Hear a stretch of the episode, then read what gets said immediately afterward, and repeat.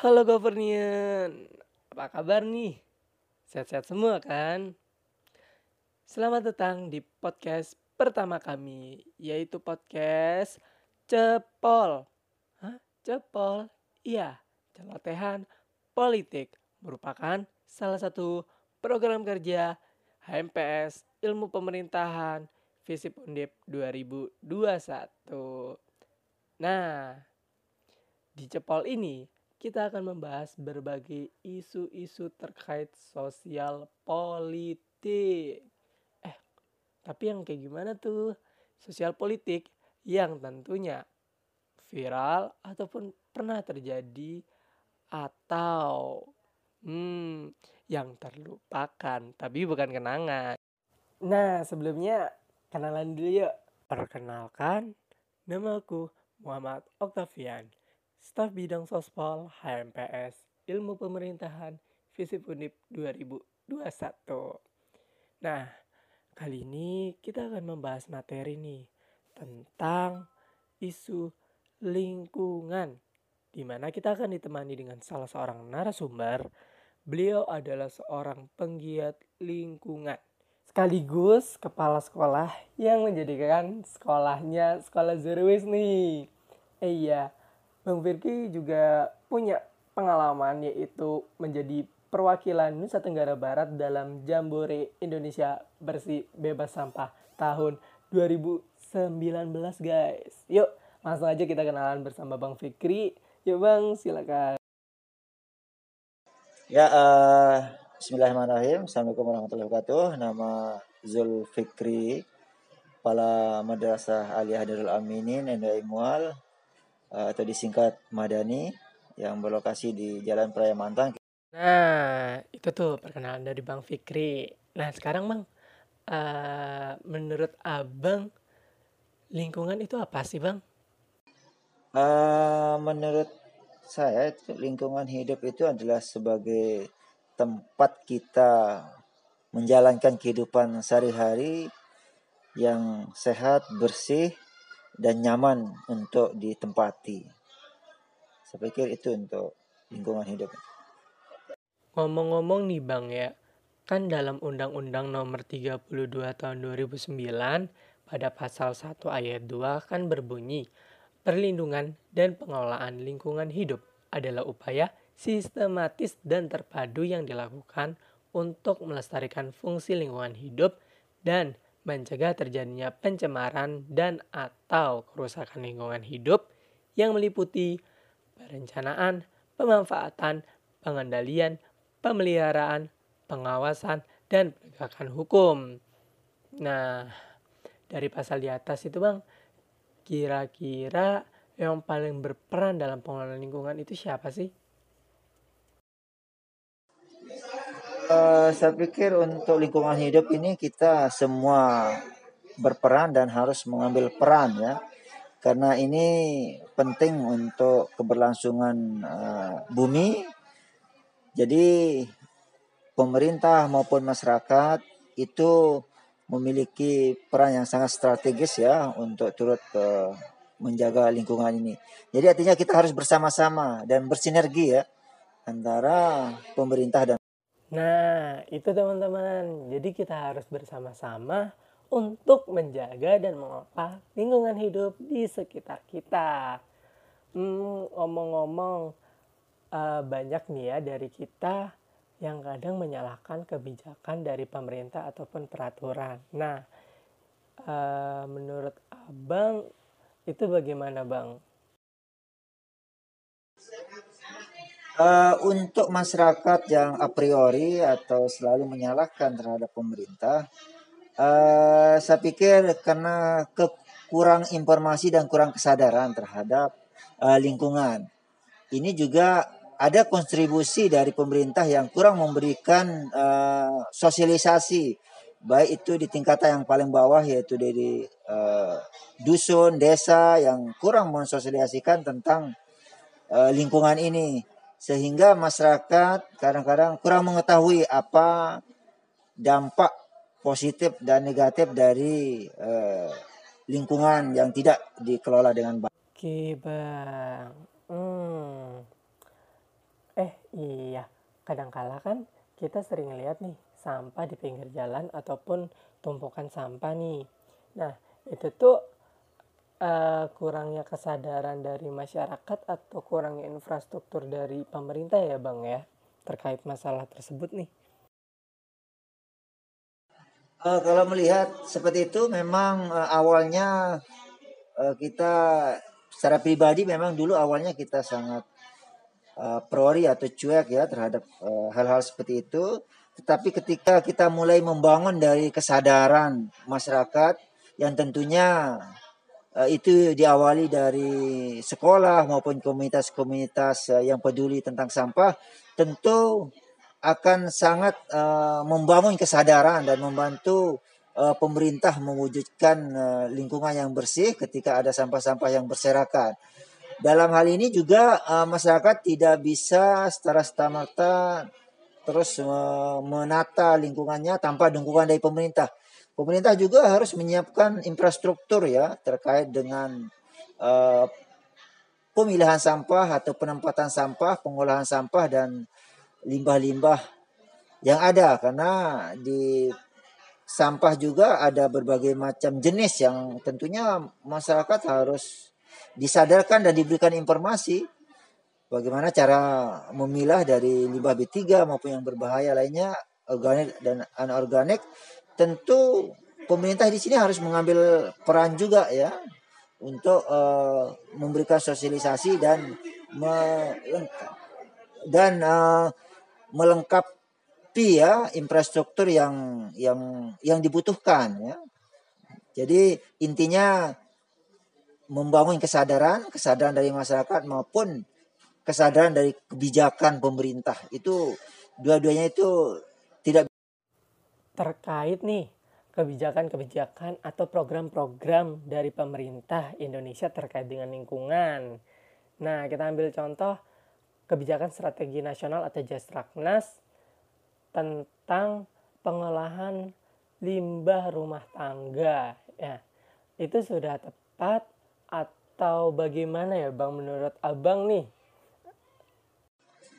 Uh, kalau dalam program uh, bisa dikatakan uh, sudah cukup bagus dalam program, tetapi kalau kita melihat tepat atau tidak tepat itu tergantung dari bagaimana eksekusi di lapangan ya. Jadi kadang-kadang di lapangan itu yang sangat lemah. Kalau di program itu sangat bagus sekali ya. Sehingga apa yang ingin diwujudkan pemerintah itu sangat mudah. Intinya sekarang bagaimana pemerintah itu mampu mengeksekusi program dan gagasan itu langsung ke bawah ya. Jadi tidak hanya program-program yang bagus, bagus itu saja, tetapi tidak ada uh, pengawasan, tidak ada eksekusi secara berkelanjutan.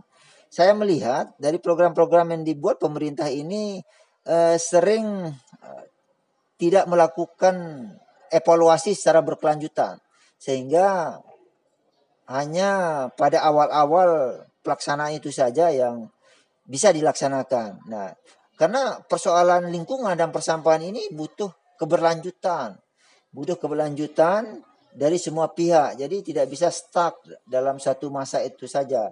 Tentu ini harus ada payung hukum yang kuat, Uh, di dalamnya ada aturan-aturan dan sanksi yang harus di, dijalankan dan ini membutuhkan keseriusan dan kemauan yang kuat dari pemerintah. Saya pikir begitu. Oke, siap bang. Eh iya, tak lupa nih. Uh, aku mau nanya, bang. Kan Indonesia merupakan negara di dunia dengan penyumbang sampah plastik terbanyak. Nah, sampah plastik itu juga sangat berbahaya. Pandangan abang terkait dengan sampah plastik itu seperti apa sih bang?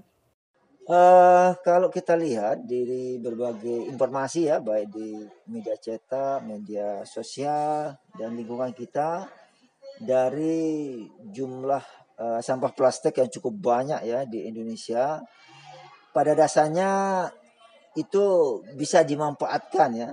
Tetapi kalau kita melihat dari jumlah yang terus meningkat, tidak ada upaya pencegahan maupun uh, pemanfaatan, itu akan menimbulkan uh, efek yang cukup berbahaya juga bagi uh, lingkungan, bagi masyarakat, bagi uh, penduduk bumi ya. Karena apa saja yang berlebihan dan terlalu banyak tentu nanti akan mendapat efek yang negatif. Kalau sampah plastik juga ini sangat berbahaya jika banyak kita lihat apalagi kalau saya kemarin saya sudah menulis artikel tentang dampak apa plastik yang uh, berdampak ke laut kita ya. Jadi banyak plastik-plastik itu dari hulu itu ke hilirnya itu tembusnya ke laut ya sehingga sangat mengganggu ekosistem perikanan dan ikan-ikan di laut kita.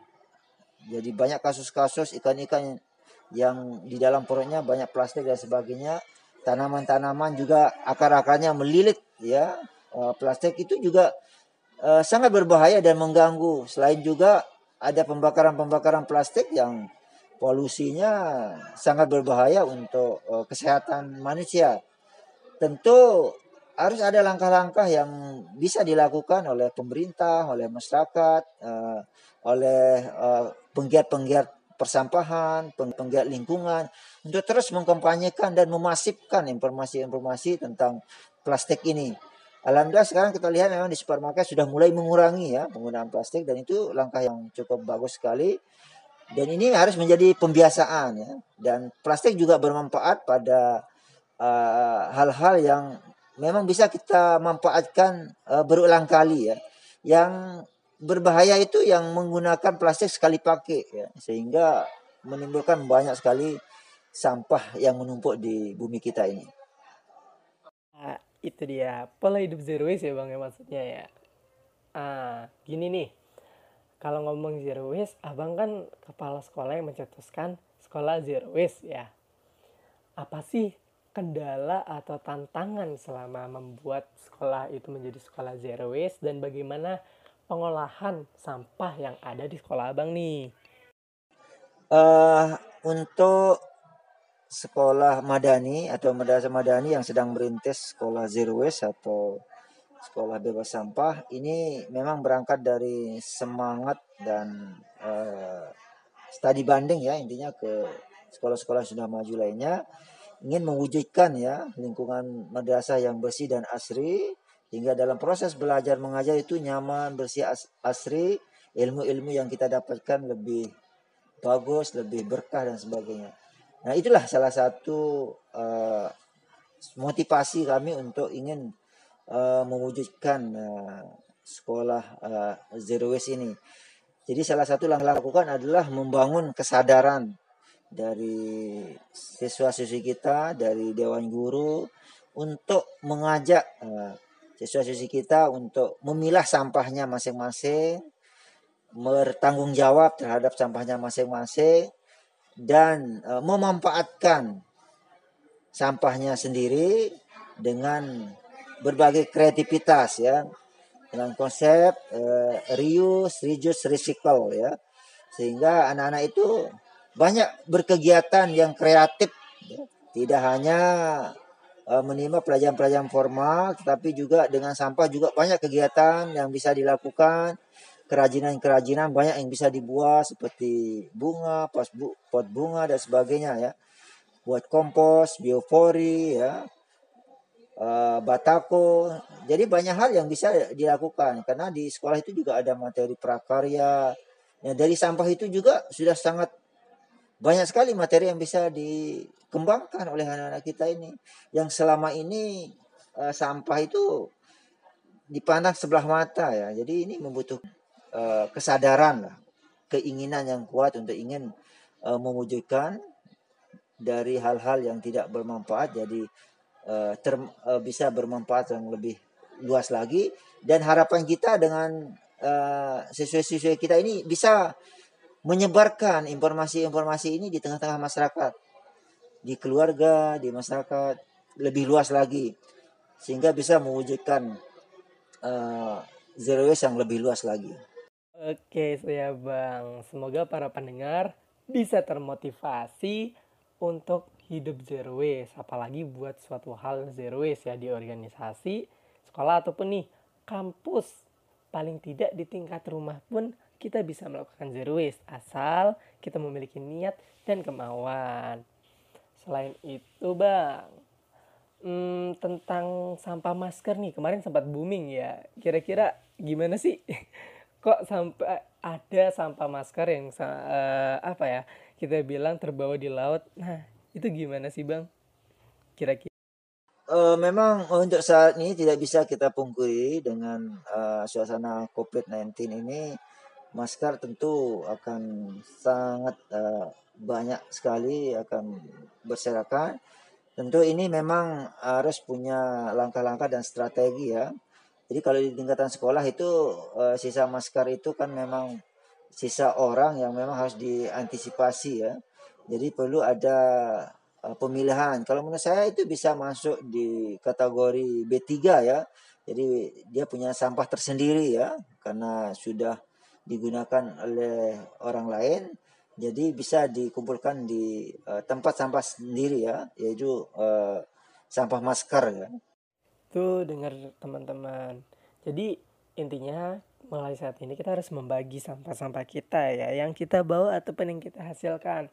Terutama yang B3 B3 itu uh, contohnya seperti masker. Nah ingat masker sebelum dibuang kita potong-potong dulu ataupun kita simpan kita jadikan satu tempat kita cacah ataupun kita apa uh, olah baru kita buang nih. Biar apa? Biar nggak digunakan atau dimanfaatkan sama orang lain. Dan juga biar nggak mencemari lingkungan pastinya. Oke. Hmm ngomong-ngomong nih kan sekarang lagi banyak ya organisasi ataupun komunitas atau pemerintah atau masyarakat yang membuat suatu program tentang lingkungan. Kira-kira program apa yang tepat untuk menjaga lingkungan di Indonesia, Bang? Ya, uh, kita memang banyak melihat uh, di beberapa daerah itu sedang menggeliat ini bank sampah, kemudian masyarakat masyarakat peduli sampah, peduli lingkungan itu cukup bagus sekali untuk uh, mensukseskan program Indonesia bersih bebas sampah ini. Jadi uh, saya melihat uh, itu sangat uh, strategis ya untuk uh, dikembangkan oleh uh, masyarakat kita, terutama masalah uh, bank sampah ya. Jadi sangat dibutuhkan itu bank sampah yang lebih banyak ya. Karena bank sampah itu berbeda dengan uh, tempat penampungan sampah ya. Jadi karena bank sampah itu dapat melakukan uh, pendaur ulangan kembali dan uh, memperoleh nilai ekonomi yang cukup tinggi ya. Uh, beda halnya dengan tempat penampungan ya, itu akan tidak terkelola dengan baik. Jadi kalau bank sampah itu di sana ada edukasinya juga ya bisa organik, anorganik dan sebagainya. Ada pemilihan, ada edukasi. Jadi pemerintah saya pikir perlu banyak memberikan support yang besar terhadap uh, bank sampah-bank sampah ini dan juga banyak tenaga-tenaga kerja yang bisa uh, diangkat ya, bisa dihadirkan dalam bank sampah yang ada di Indonesia. Iya, itu dia. Eh iya, itu bisa menjadi motivasi sekaligus nih rancangan teman-teman bagi teman-teman penggiat lingkungan, organisasi ataupun komunitas, masyarakat, mahasiswa, serta para pendengar podcast ini yang utama. Eh iya bang, kira-kira ada nggak motivasi atau kata-kata nih buat orang yang masih sering buang sampah sembarangan nih bang. Aduh itu meresahkan banget ya. Ya, uh, kalau sekarang buang sampah sembarangan sudah tidak keren ya. Jadi bukan anak milenial ya. Jadi buang sampah sembarang itu bukan lifestyle kita sebagai warga negara Indonesia yang baik ya.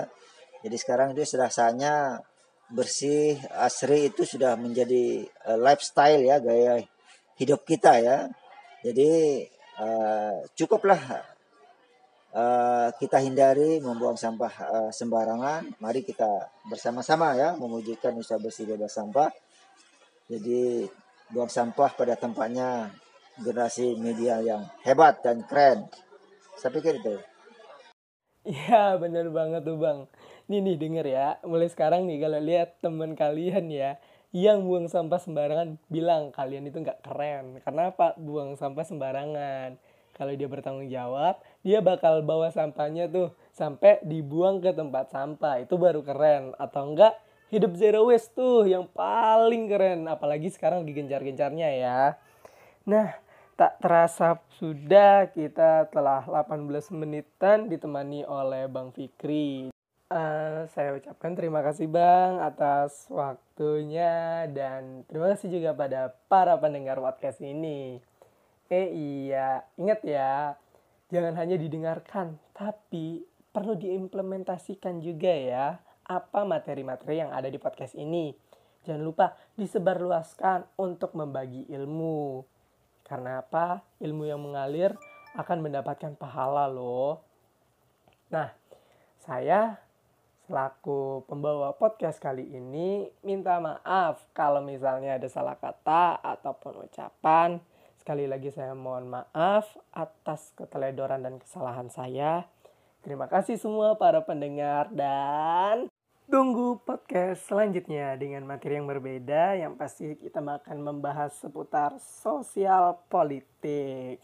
Sekali lagi saya ucapkan terima kasih semua. Maaf jika ada kesalahan dan sampai jumpa.